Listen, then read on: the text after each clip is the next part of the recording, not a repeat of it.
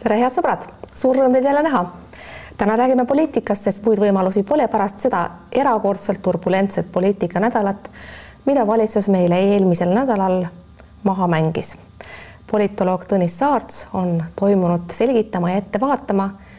minu hinnangul parim võimalik spetsialist, tere hommikust. tere hommikust Teie puhul ma tahaksin algatusest küsida, mis ajast te olete Martin Helmega samadel seisukohtadel? Martin Helme ütles, Jüri on Eesti poliitika kõrgpilotaaž. Teie ütlesite, Jüri Ratas on Eesti poliitikas ainulaadne talent. millal teie lähenemine toimus? ma ei tea, mida täpsemalt äh, Martin Helme siin silmas pidas. mina pidasin silmas ennekõike seda, et mul on väga raske ette kujutada ühtegi teist poliitikut täna Eestis kes ähm, suudaks niivõrd keerulist koalitsiooni koos hoida ja nii keerulisi olukorda ähm, lahendada. et, et, et see stiil on tegelikult Jüri Ratasel olnud algusest peale, et me ennem ruumist välja ei lähe, kui mingisugune kompromiss või kokkulepe on saavutatud. ja selles, selles osas ähm, mul on väga raske ette kujutada, et sedasorti koalitsiooni näiteks hoiaks koos äh, siis Kaja Kallas või, või Indrek Saar või ükskõik mõni muu poliitik. Et, et see on tõesti omaette talent nii keerulist koalitsiooni koosolekut. ma saan aru, mida te mõtlete, aga kas tõesti ma pean siit lugema välja ka teatud imetlust, sest olgem ausad, see, mis eelmisel nädalal toimus, pani paljusid inimesi käed ikkagi jõuetult rüppe langetama ja noh, jääma kurvaks, vaadates seda vaatemängu farssi, traagikomöödiat ma arvan, et oleneb, kuidas seda nagu vaadata, et kui vaadata puhtalt nagu niisugust poliitilist aspekte, kuidas poliitikud äh, suudavad oma eesmärke nagu saavutada ja, ja noh, Ratase eesmärk on ilmselgelt see, selle koalitsiooni säilitamine, siis jah, sealt võib tõesti imetlust välja lugeda. Äh, aga kui me vaatame puhtalt niisugust väärtuslikku ühiskondlikku aspekti, siis, siis ma ei ole kindel, kindel, et, et kõik siin võitjana väl, väljusid siin oli nüüd mitu märksõna, millest ma tahaksin kinni hakata kohe mainida. ma võtan esialgu väärtused. Te ütlesite oma seni antud kommentaarides, et tegemist oli väärtuskriisiga kõigi osapoolte jaoks, eelkõige siis EKRE ja Keskerakonna jaoks. mul poliitikat jälgides on enamasti selle koalitsiooni tegemisi silmas pidades jälgides raske aru saada, mis need väärtused ikkagi on, võib-olla aitate mind sõnastades, mis selles, selles olukorras olid need EKRE väärtused missugused olid Keskerakonna väärtused, mida teie nimetasite tuumikväärtusteks? no need väärtused, mida nad ise deklareerisid, siis viidates põhiseadusele, ühelt poolt siis EKRE, eks ole, mis puudutab sõnavabadust, aga noh, me saame aru, et siin ka tõlgendused on väga erinevad. EKRE võib-olla nende kriitikute eh, seisukohalt, eh, mida kumbki pool siis sõnavabadusena määratleb aga vähemalt see väärtus siis EKRE poolt lauda, lauda, lauda toodi. ja Keskerakonna poolt äh, ikkagi see väärtus, mida mina kutsun ja mis on põhiseaduslik väärtus samamoodi, kutsun universaalseks kodakondsuseks ja siin on põhimõte väga lihtne, see on ka meie põhiseaduses, et Äh, kodanike õigused, aga siin tegelikult ka kodanike, kodanike väärikus ei, ei saa sõltuda nende soost, rahvusest, seksuaalsest sättumusest, rassist ja nii edasi. niisugune väga liberaalne põhimõte, mis on tegelikult kirjutatud meie põhiseadusesse. põhiseaduse juurde lõpuks ju jõutigi, osapooled kogunesid, kirjutasid alla äh, dokumendi, mis sisuliselt ütles ühte sama asja, põhiseadus, mis kehtib meil Eesti taasiseseisvumisest, iseseisvumisest peale, on midagi säärast, mida valitsuskoalitsioon tunnustab. kas pole see isegi kummaline, et maksab olla võimul ja üldse tulla võimule selleks, et hakata koos koalitsioonipartneritega põhiseadust lugema ja jõuda tõdemuseni, et see kehtib, me järgime seda, vähemasti sõrutsi ja ega tegelikult seda olukorda vaadates ja, ja ka seda deklaratsiooni vaadates veidikene tekib sürreaalne tunne, et, et kuhu me oleme Eestis jõudnud. aga noh, samal ajal vaadates selle valitsuse osapooli, ehm, mulle tundub, et vähemalt osa, ühele osapoolele teatud põhiseaduse põhimõtted vajavad aeg-ajalt ülekordamist kindlasti ja noh, siin on ka nagu küsimus teistele osapooltele, et ähm, et kui see niiviisi on, siis ähm, siis ähm, võiks, võiks küsida, et, et äh, kui, kui noh, tegus see koalitsioon on, kui tegelikult isegi alusväärtustes on kohati noh, väga erinevaid tõlgendusi. Elu näitas, et lepiti kokku, milles lepiti, läksid vaid loetud tunnid, õige pisut aega, kuni Urmas Reitelmann tegi oma jälestusväärse avalduse ETV saatejuhtide kohta. kas pole see siis küllaldane tõendus, et osapooled võivad leppida kokku milles iganes? üks osapool ei soovi pidada ühtegi kokkulepet no minu meelest äh, need, kes seda avaldust vaatasid ja suudavad hinnata Eesti poliitilist konteksti, eriti seda konteksti, mis nüüd hakkab lahti rulluma selle rahvahääletusega seoses, said ju ilmselt suurepäraselt aru, kui nad väga naiivsed ei, ei olnud, et, et tegelikult see kokkulepe, see on see, millest äh, kinni ei peeta ja mida hakatakse nüüd mõlemalt poolelt tõlgendama täpselt nii, nagu see vastavalt kontekstile neile sobib nii et äh, kõik need erinevad mõisted ja deklaratsioonid selles kokkuleppes ilmselt hakkavad olema kummist. et, et neid võib rakendada nii, nagu, nagu soovitakse. Äh, et ma oleks tõsiselt imestunud, kui see läheks teistmoodi, väga positiivselt üllatunud siis. Noh, võib ju olla optimist ja, ja loota, aga, aga noh, poliitikat jälginud inimesena oma kakskümmend aastat ähm, ma võib-olla nii naiivne ei oleks. Aga noh, mingi lootus on, et, et vähemalt võib-olla kõige teravamaid äh, avaldusi ei, ei tehta, aga noh, Reitelmanni juhtum näitas seda, et tegelikult siin, siin äh, piire, piire ei ole. no see tähendaks tegelikult, kui te ütlete, et on lootust, siis äh, peaks ju üks osapool valitsuses muutma oma strateegiat, aga miks ta peaks? strateegia on iseenesest lühike, provotseeri, eskaleeri, improviseeri. see ei ole ju muutunud ja miks ta peaks muutuma lähitulevikus?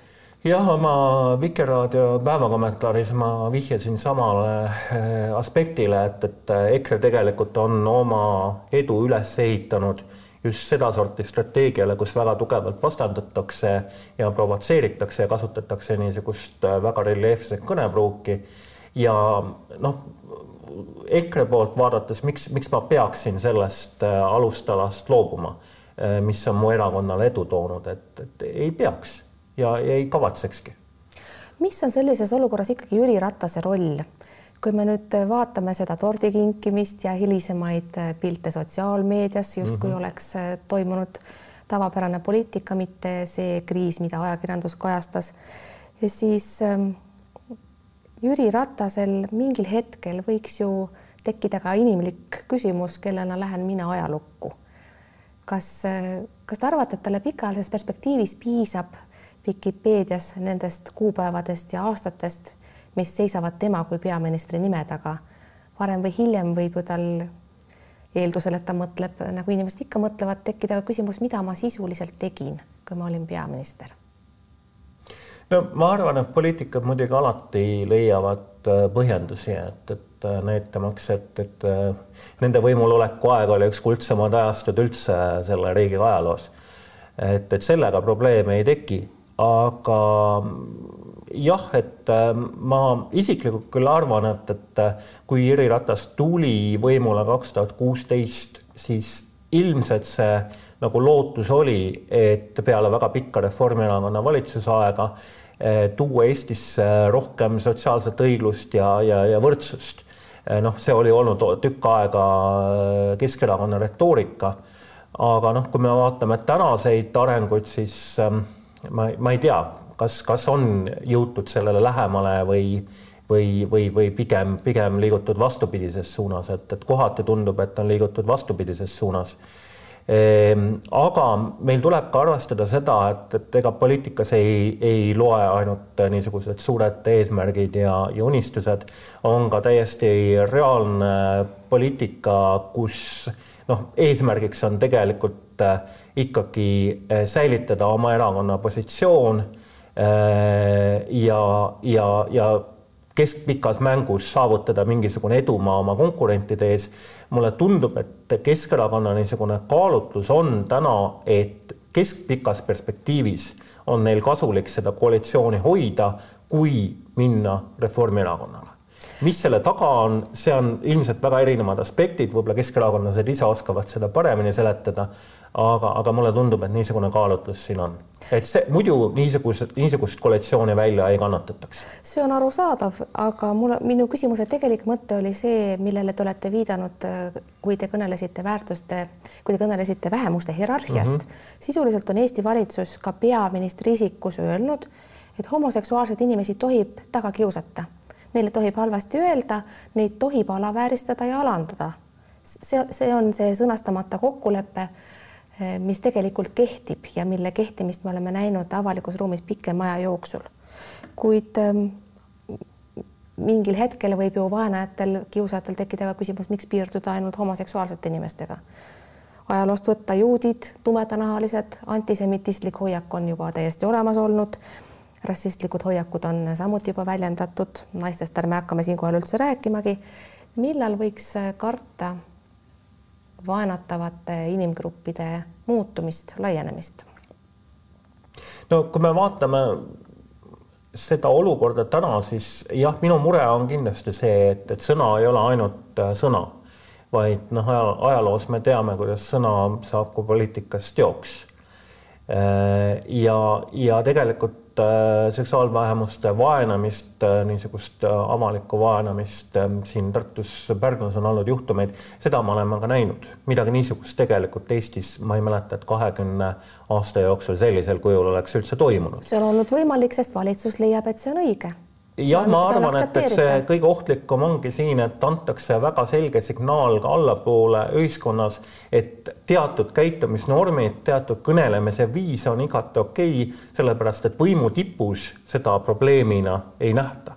ja see on kahtlemata ohtlik äh, laiemate liberaalse demokraatia püsimise seisukohast, sest liberaalse demokraatia aluseks on see, et ühiskonnagruppe äh, koheldakse võrdselt sõltumata nende niisugustest identiteedi kuuluvusest, on see seksuaalne sättumus või, või rass või, või, või rahvus.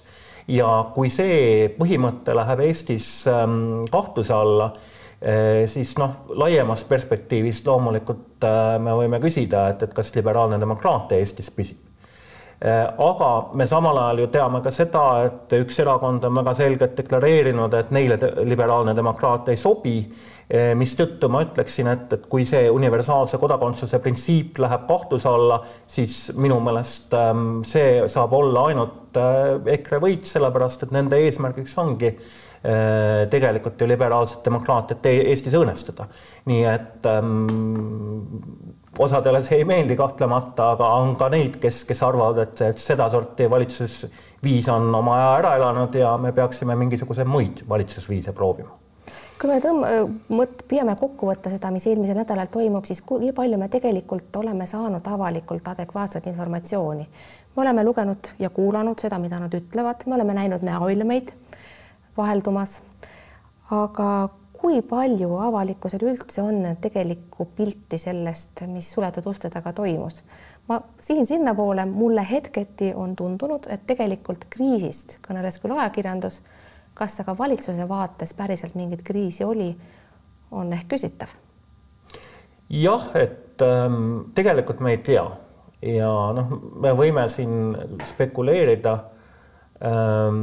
noh, üks võimalik, võimalik teooria on see, et tegelikult et Keskerakonda niivõrd võib-olla ei häirinudki äh, Mart Helme väljaütlemised, vaid ta nägi siin võimalust just seoses selle rahvahääletusega, et kuidagi EKRE-t sellest sundida taanduma või vähemalt seda kuupäeva loot-, äh, muuta, muutma.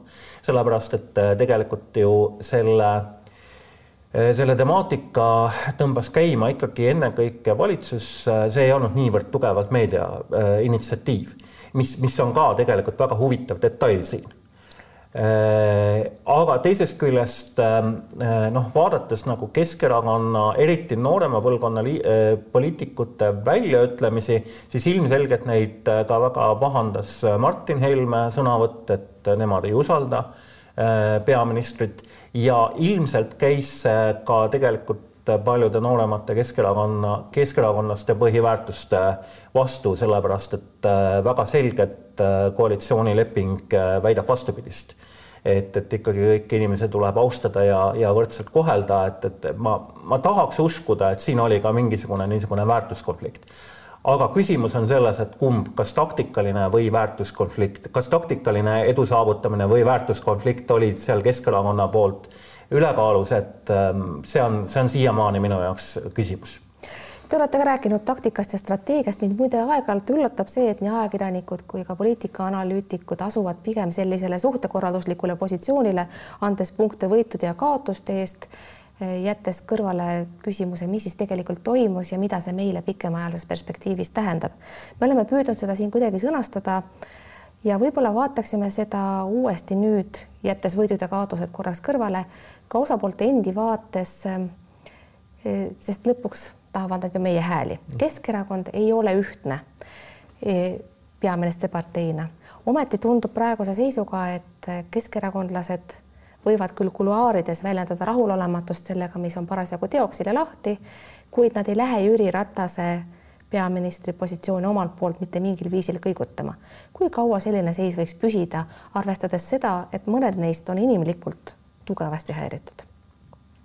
ma arvan, et Keskerakonna puhul ilmselt kriitiliseks saavad äh, kohalikud valimised. et see saab tegelikult olema selge lakmustest, kuidas seda koalitsiooni tegelikult ikkagi nende valijaskonnas vastu võetakse. et noh, arvamusuuringud on üks asi, aga valimistulemus on teine. ja, ja ma usun, et, et see saab olema Keskerakonna jaoks tõe, et kui nüüd valimistel ebaõnnestutakse oma olulistes ähm, piirkondades, ennekõike Tallinnas loomulikult, aga mitte ainult, siis see võib küll tegelikult tekitada Keskerakonnas äh, küsimusi ja, ja, ja sisepingeid, kuhu need võivad kanaliseeruda, minna, see on, see on iseküsimus.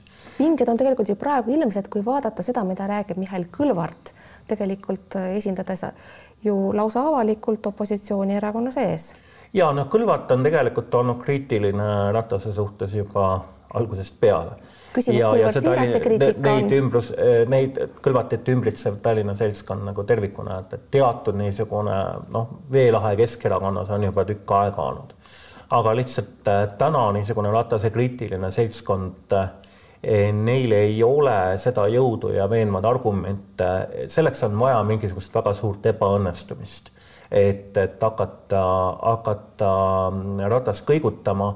See kriis seda tegelikult ei, ei andnud ja, ja ei andnud ka väga lihtsal põhjusel, sellepärast et Keskerakonna valijad eriti venekeelne valija, noh, neile anda sõnumit, et me lõhkusime koalitsiooni nüüd ühe intervjuu pärast, kus oli kriitiline homoseksuaalsete inimeste suhtes, mis toimus vene keeles ja kus kiideti Vladimir Putinit ja tema poliitikat, no andke andeks, sel, see argument ei müü see aspekt, mis kõneldi Vene sanktsioonidest, on jäänudki suurema tähelepanuta, kuid me kahjuks ei jõua ka sinna sügavalt mm -hmm. praegu minna. tahaksin, kuna me kõnelesime Keskerakonnast ja kõnelesime EKRE-st, siis vaatame korra ka Isamaa positsiooni, nemad said esialgu kätte oma pensionireformi, mis võib-olla vähendab nende huvi olla tingimata selles koalitsioonis. on selline mõttekäik aktseptaabel teie hinnangul?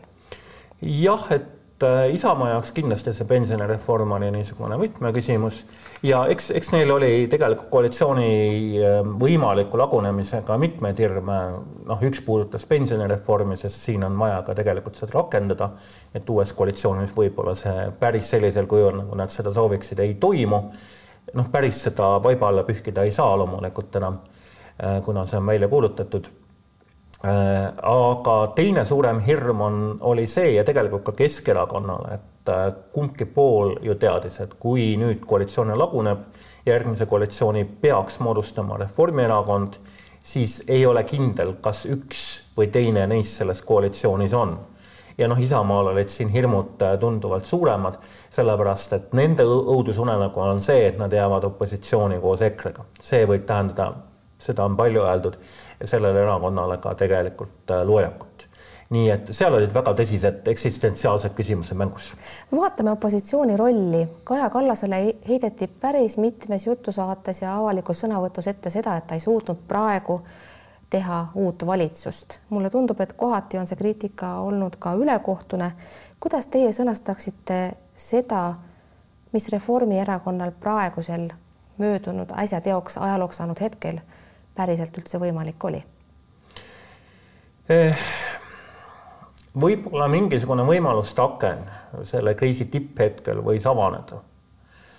aga Keskerakonna poolt vaadates ilmselt siin on mitmeid kaalutlusi, miks nad Reformierakonnaga ei soovi põhimõtteliselt koalitsiooni teha.